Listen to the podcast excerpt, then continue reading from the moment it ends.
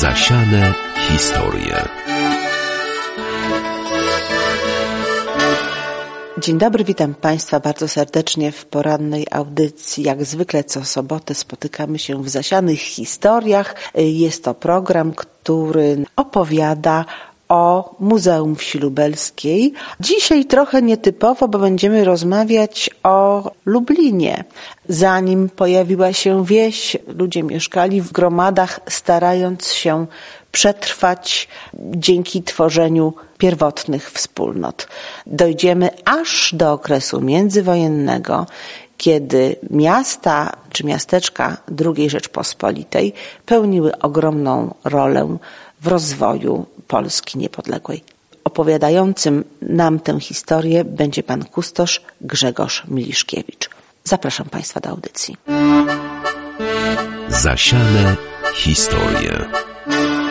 Panie Grzegorzu, skąd wziął się pomysł na stworzenie takich zajęć w Muzeum Wsi Lubelskiej? Budujemy Lublin. No, to jest związane z rocznicą, którą Lublin obchodził w 2017 roku, 700-lecie nadania praw miejskich, ale przecież byłoby to niewykonalne, gdyby nie gigantyczna kolekcja zabytków związanych z Lublinem. To jest około w tej chwili 8 tysięcy zabytków no i naszą wiedzą wyrażoną w publikacjach na temat różnych aspektów historii Lublina, dziejów przemysłu, historii życia codziennego.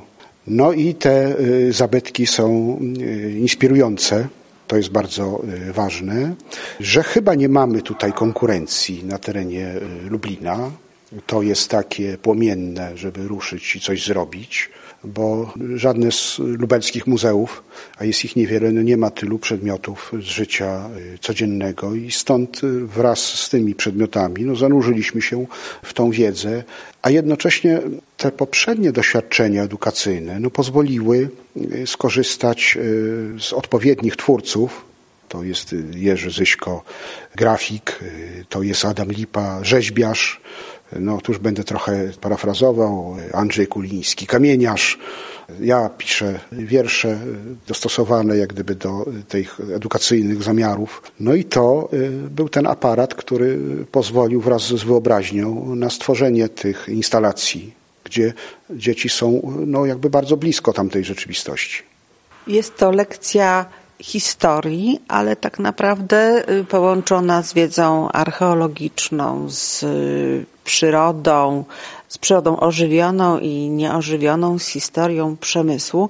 I myślę, że w czasach, kiedy dzieci mają tę wiedzę w szkole bardzo podzieloną, poszatkowaną, posegmentowaną, pokazanie, że świat jest pewną spójnością, pozwala dzieciom czy młodzieży na lepszy odbiór w ten sposób przedstawianej wiedzy. Tak, no ja sobie nie wyobrażam innej metody właśnie, jak ten bezpośredni kontakt y, dzieci z zabytkami, jeszcze bardziej bezpośredni z rekwizytami. I tutaj panie, y, obserwując y, przebieg tych zajęć, wcale to nie jest jakieś uszczypliwe, co powiem, no ale widzicie sami, że ten poziom wiedzy jest bardzo zróżnicowany. To mnie tak martwi i zdumiewa, że on przestaje zależeć od wieku, bo bywają przedszkolaki, naprawdę bardzo błyskotliwe. Być może one spędzają więcej czasu przed telewizorem, gdzie mają dobre programy BBC rekonstrukcyjne, a mniej y, gdzieś y, w ławce y, w parku.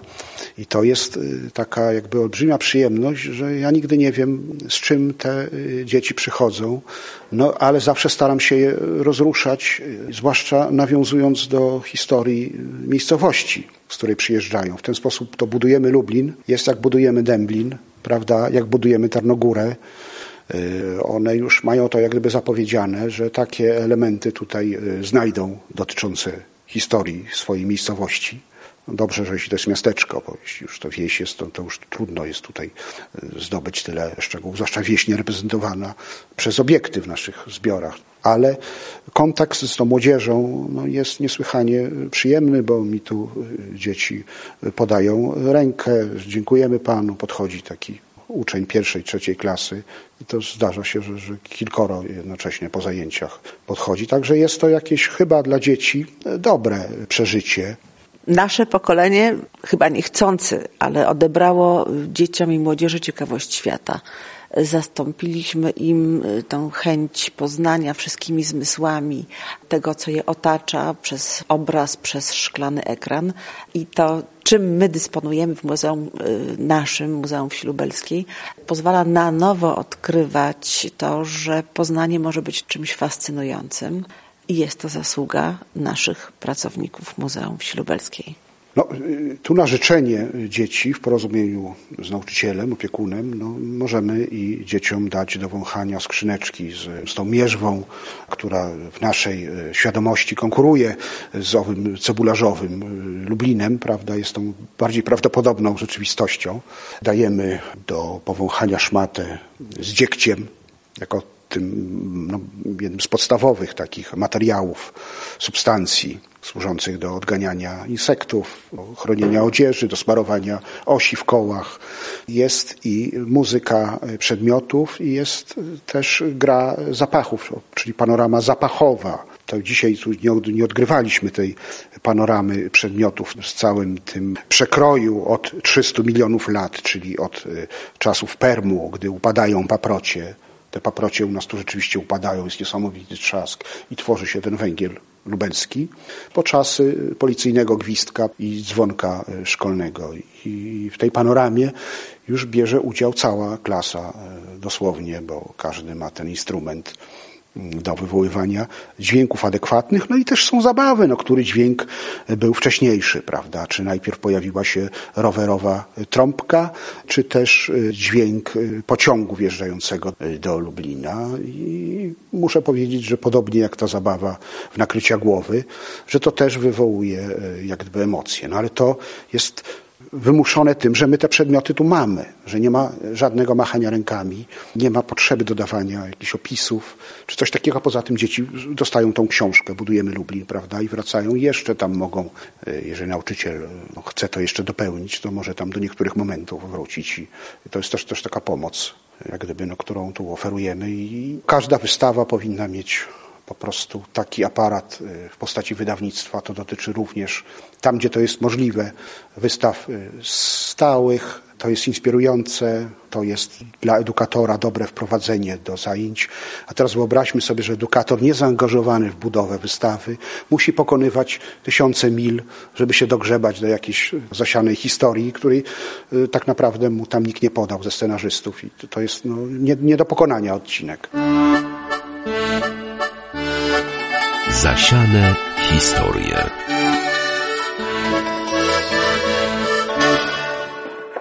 Mamy taką zabawę pod tytułem Ulice Dęblina. Czy chcecie wziąć w tym zbiorowy udział? Oczywiście. Tak? Okej, okay. no to będziemy się do tego przygotowywać.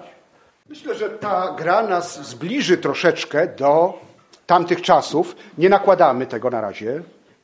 Nie kierujemy się żadnymi gustami ani uprzedzeniami. Proszę. Daj, podaj dalej ten. Chleb wyświechtana. To znów dla pań. Kapelusze słomiane są? Okej. Okay. No i teraz ta gra dotyczy oczywiście Lublina. Łatwiej sobie wyobrazić ulicę międzywojennego Lublina, gdzie pojawia się bardzo zróżnicowana społeczność przybysze ze wsi, z miasteczek, ziemiaństwo, no i cała gama mieszkańców Lublina. Ale wyobraźmy sobie, że to samo może się dziać y, w Dęblinie. Dlatego będę jakby mieszał obie te sytuacje, ale jednego nie zmieszam, mianowicie czasu. To bardzo ważne jest dla historyków, żeby nie mieszać tutaj różnych sytuacji. Ja będę tworzył pewne jakby słowne obrazy, skojarzenia, a waszym zadaniem będzie odczytać, o kogo tutaj chodzi. I zaczynamy. W maleńkiej wiosce Mentów, niedaleko Lublina, koń mieszkał w stajni, a w chałupie gospodarza trzymał. Gospodarz był niepiśmienny, z koniem było inaczej. Zębem na ścianie y, stajni wypisywał rozmaite historie. Gospodarz był bezrzędny, koń często myślał o klaczy. Mamy już tak jakby uporządkowane role. Koń Pewnego razu na przełomie września i października. U was to było, wiecie jak się nazywał ten okres? To wam zabrano wakacje kartoflane. W szkole z Bobrownik jest piękny zapis. Od 20 września do końca września kierownik szkoły ogłasza wakacje kartoflane. Na czym to polegało? Tak, pomóc rodzicom przy ziemniakach, rodzicom, dziadkom, bo ziemniaki to był chleb ubogich, to była podstawa żywności, prawda? Dawniej spożywano przeszło 200 kilogramów, około 216, to zależy od roku, tych kilogramów rocznie, no więc chleba znacznie, znacznie mniej. I teraz ten koń mówi do gospodarza, że trzeba im zawieść ziemniaki do miasta. Gospodarz leniwy, ale ładują te worki i tak dalej. I teraz y, kto zagra rolę tego gospodarza? Kto mógłby być gospodarzem w, takim, y, w takiej porze roku jak koniec września? Chodzi o osobę, która trzyma odpowiednie nakrycie głowy. No właśnie, już powoli odczytujecie swoje role. Kto uważa? Jest koń, jest koń, znakomicie, ale obok konia jest też Gospodarz. Jest, o właśnie, jest gospodarz. I teraz, słuchajcie, ta sama scena, ale zimą. Zimą koń znów mówi do gospodarza, trzeba ładować kury do fury i jedziemy do miasta, bo tam już czekają na drób. Jak wówczas będzie ubrany nasz gospodarz? Którą czapkę? Tak, znakomicie. O, tak, właśnie, taki filc lekki, prawda, flausz. O, brak, znakomicie. Okej. Okay. No i teraz kolejna rzecz. W takich miasteczkach, no nazwijmy to żydowskich, bo Irena była w większości żydowska, ale Kazimierz były piekarnie i one się znajdowały głównie w rękach właśnie żydowskich. I tu mamy wśród nas piekarza. Mhm. Zarówno w osadzie miejskiej Irena, jak i w miejscowości Dęblin, bo to jakby były niezależne przed wojną miejscowości, były restauracje. One obsługiwały i wojsko, i też ludność cywilna. I teraz wyobraźcie sobie, że idę do takiej restauracji, zjem sobie troszkę i wzywam dorożkę. Wzywam dorożkę.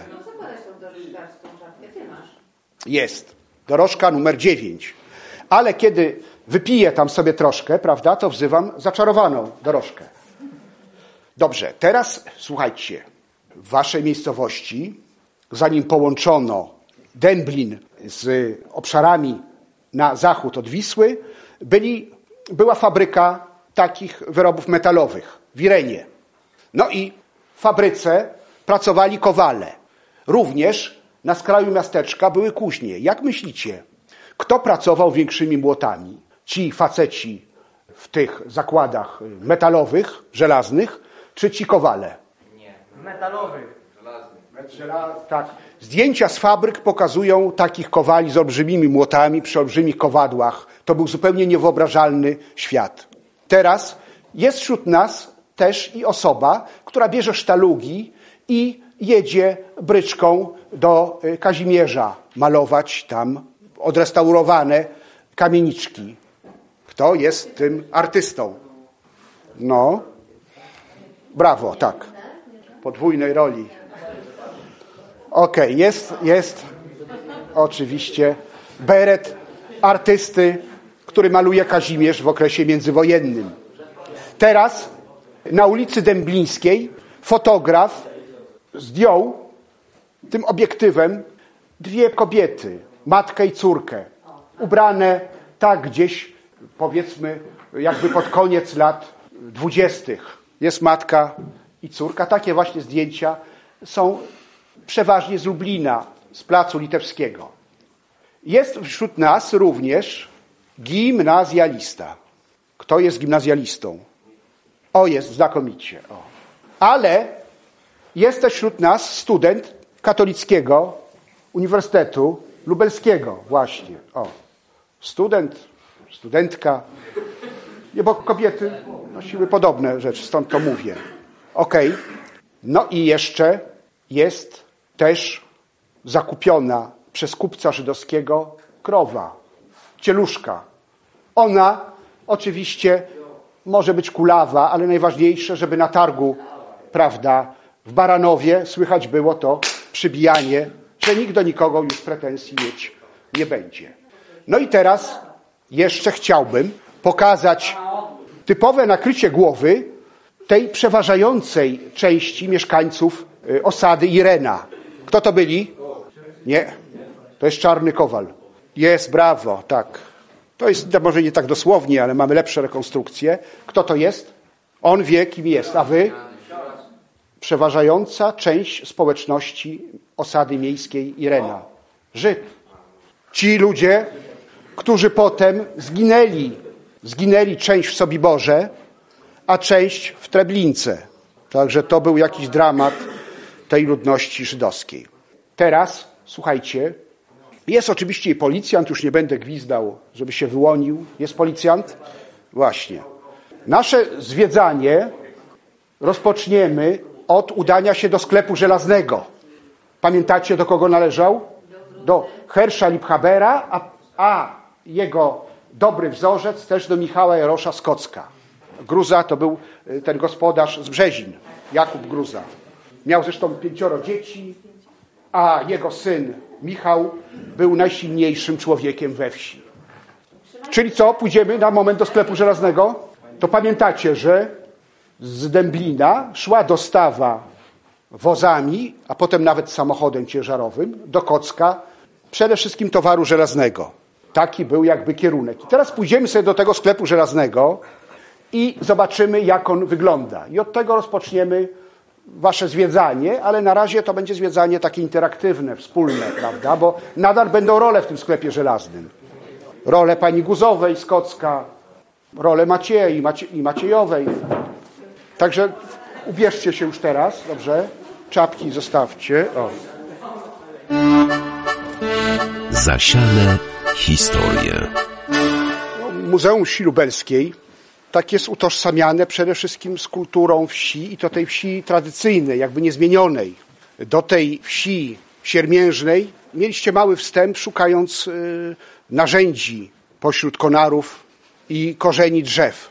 Ale teraz wyobraźcie sobie, że dzięki waszej miejscowości, która była bramą zarówno na zachód, jak i na wschód Europy, bo przecież też i z Zaporoża przywożono do nas rudę, żeby ją wzbogacić. I to przetapiano na Kielecczyźnie.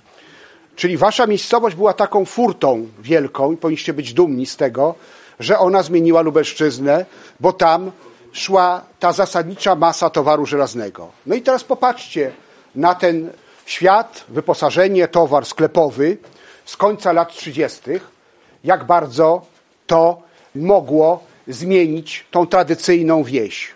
Len, glina, drewno. Tutaj mamy kolejne substytuty w tym sklepie i bławatnym i tak dalej. I możemy sobie też wyobrazić owych kupców żelaznych w 95%, jeśli chodzi o miasteczka Żydów, którzy gorączkowo walczyli o klientelę, a przecież czasy były coraz trudniejsze, zwłaszcza po tym wielkim kryzysie gospodarczym. I tutaj będzie sytuacja z takim kupcem, który mógł spostrzec klientkę, z którą był wcześniej umówiony. No i zobaczcie, wypatrzył taką klientkę i mówi: Pani Guzowa, szanowna pani, mam dziś dla pani czajnik blaszany emaliowany. Wspaniały prezent będzie od wnuka, który w Kocku żonę wyszukał. Pani tam damą będzie cesarską, co poprowadzi im gospodarstwo. Mówi na końcu z lekką ironią, żeby nie stracić klientów. To wam tylko pokazuje, że tam, gdzie nie zachowały się słowa, fotografie, tam wprowadzamy do naszej rozmowy rodzaj baśni. I ona ma nam zastąpić w sposób bardzo delikatny wszelkie konkretne no, informacje. A teraz chciałbym, żebyśmy zakończyli taką scenką dotyczącą żelazek. Prawda? Wiemy, że nasze siostry, matki, babki pracują żelazkami. Nie takimi, tylko troszkę nowsze modele. I potrzebne są tutaj dwie osoby do roli. Pierwsza rola to jest Macieja i Maciejowej. Kto zagra Macieja? Jest, to Maciejowa jeszcze. O tam, tam, o proszę tu stanąć. Obok Macieja. O, Proszę Macieju, masz kapelusz, nałóż. I teraz ten niestrudzony kupiec żelazny, walczący z konkurencją, a mogło być nawet osiem sklepów żelaznych w miejscowości tej wielkości co Irena, znów stara się zabawić swoich klientów, których wypatrywał w drzwiach. Oni mają już parę złotych, bo na jarmarku co sprzedali? Krowę, cieluszkę. No i zaczynamy. Kupował Maciej z żoną żelazko w sklepie żelaznym na Kowalskiej. Żyd w krymce na głowie i w hałacie pyta się najpierw, jak się macie? W porządku, bardzo dobrze. Mamy się dobrze. Dziękuję. Rok po ślubie, czajnik, wanienkę i tarę mamy. Jednego tylko bardzo nie lubię, gdy żona żelazko pożycza od mamy. No to już wiem, że goście mili na dobry towar mają dziś chęć, bo aż z Dęblina do mnie przybyli, mijając gorszych sklepów pięć. Na trzeciej półce mam żelazka, a jedno lepsze od drugiego. Berlińskie z duszą, elektryczne i na węgiel typu szwajcarskiego. I zaraz Żyd na długiej ladzie kładzie przed nimi żelazek pięć. Nie będzie już się wstydził wzięć, aż rękę żony uścisnął Maciej. Wiem, że mieszkacie na Wrotkowie. Tu dla potrzeby Rymu nawiązuje do jednej z dzisiejszych dzielnic Lublina, ale dawniej to była wieś. Wiem, że mieszkacie na Wrotkowie. Macie wy prąd? Pyta Żyd. Prąd to my mamy tylko w głowie. Wokoło prądu nie ma nikt. No to czekajcie, rok lub dwa, już elektrownia miejska w budowie. Ona wam prąd blokowy da. Nie z młyna, lecz całodobowy. No i co wobec tego nie kupi któro, którego żelazka Maciej, Maciejowy, jeżeli nie mają prądu? Elektrycznego. Odstawił Żyd na trzecią półkę piękne żelazko elektryczne. Wtem młoda żona zakasłała. Jeżeli pani szkodzi dym, szwajcarskie już na półkę chowam. Ja nie handluję byle czym. Ważne, by żona była zdrowa. Którego żelazka nie kupi Maciej, Maciejowej? No tego dymiącego. To które? E, Szwajcarskie. To które? To. To jest, To. tu się wrzucało. No. Rozpalone węgle i tym się pracowało. Zostały tylko trzy żelazka, berlińskie, wszystkie trzy. Lecz Maciejowej ręka drży, gdy chce z najcięższym wyjechać z miasta. Którego żelazka nie kupi Maciej, bo nie na siły Maciejowej? No tego, najcięższego. Tak.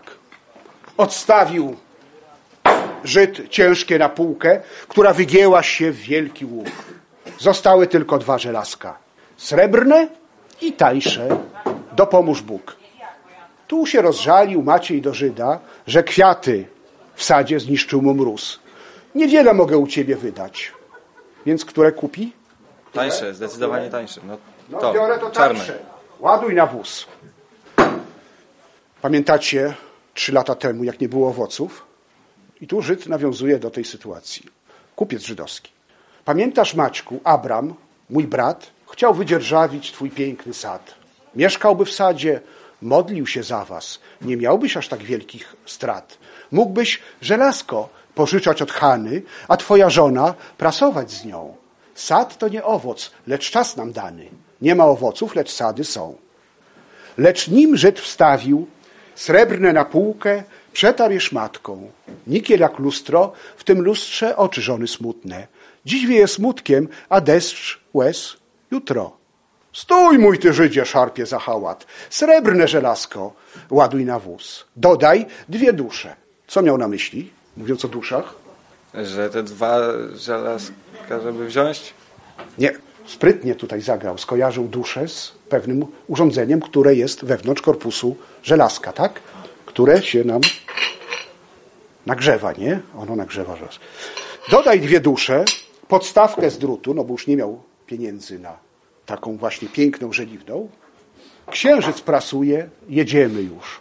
W oddali wrotków zjeżdżają z bruku wąwóz do chaty, a w chacie ława. Maciej rozpalił i wrzucił duszę. Gdzie wrzucił duszę? Do żelazka. Do, do, do ognia. Do ognia. No. Maciej rozpalił i wrzucił duszę. Żelazko tańczy już po rękawach. Czyli młodzież poznaje różne typy żelazek, prawda? W sposób taki dogłębny, można powiedzieć. To jest taka forma zabawy edukacyjnej. Czy wam, jako tym piętnastolatkom, pasuje to? Tak, zdecydowanie. To odwiedzicie mnie jeszcze kiedyś w sklepie. To przygotuję dla was nowy wierszyk i może coś wam sprzedam taniej. Lepiej uczyć się na lekcji metodą, jaką by nie było, nawet aktywną, nawet najfajniejszą, najbardziej wyszukaną, czy lepiej y, w realnym środowisku? No zdecydowanie lepiej w realnym środowisku, tak. No. Można dotknąć, zobaczyć na własne oczy y, wielu przedmiotów, co jest na pewno lepsze do zapamiętania. Więc działa na było. Pobudza wyobraźnię. Jest jeszcze dla was tutaj, kończy się już nam nakład, bo, bo mieliśmy już kilkaset tych szkół na zajęciach y, tego typu i dajemy im książeczkę Budujemy Lublin, to jest jakby instrukcja tej gry, nie? Taki jakiś podręcznik niemal szkolny, więc do biblioteki szkolnej, żeby to kiedyś tam razem wrócić y, z jakimś tematem na ręce Z innym pani. tematem wrócimy na pewno. Tak, tak. Jesteśmy zadowoleni. Serdecznie tutaj na różne zajęcia edukacyjne, które no, są oparte przede wszystkim na tym wzajemnym, na wzajemnej współobecności, na interakcji. Także serdecznie Wam dziękuję za odegranie ról i no, Wizytą w sklepie żelaznym kończymy dzisiejsze nasze spotkanie. Dziękuję serdecznie. Do usłyszenia Państwu Bogna Bender-Motyka. Zasiane historie.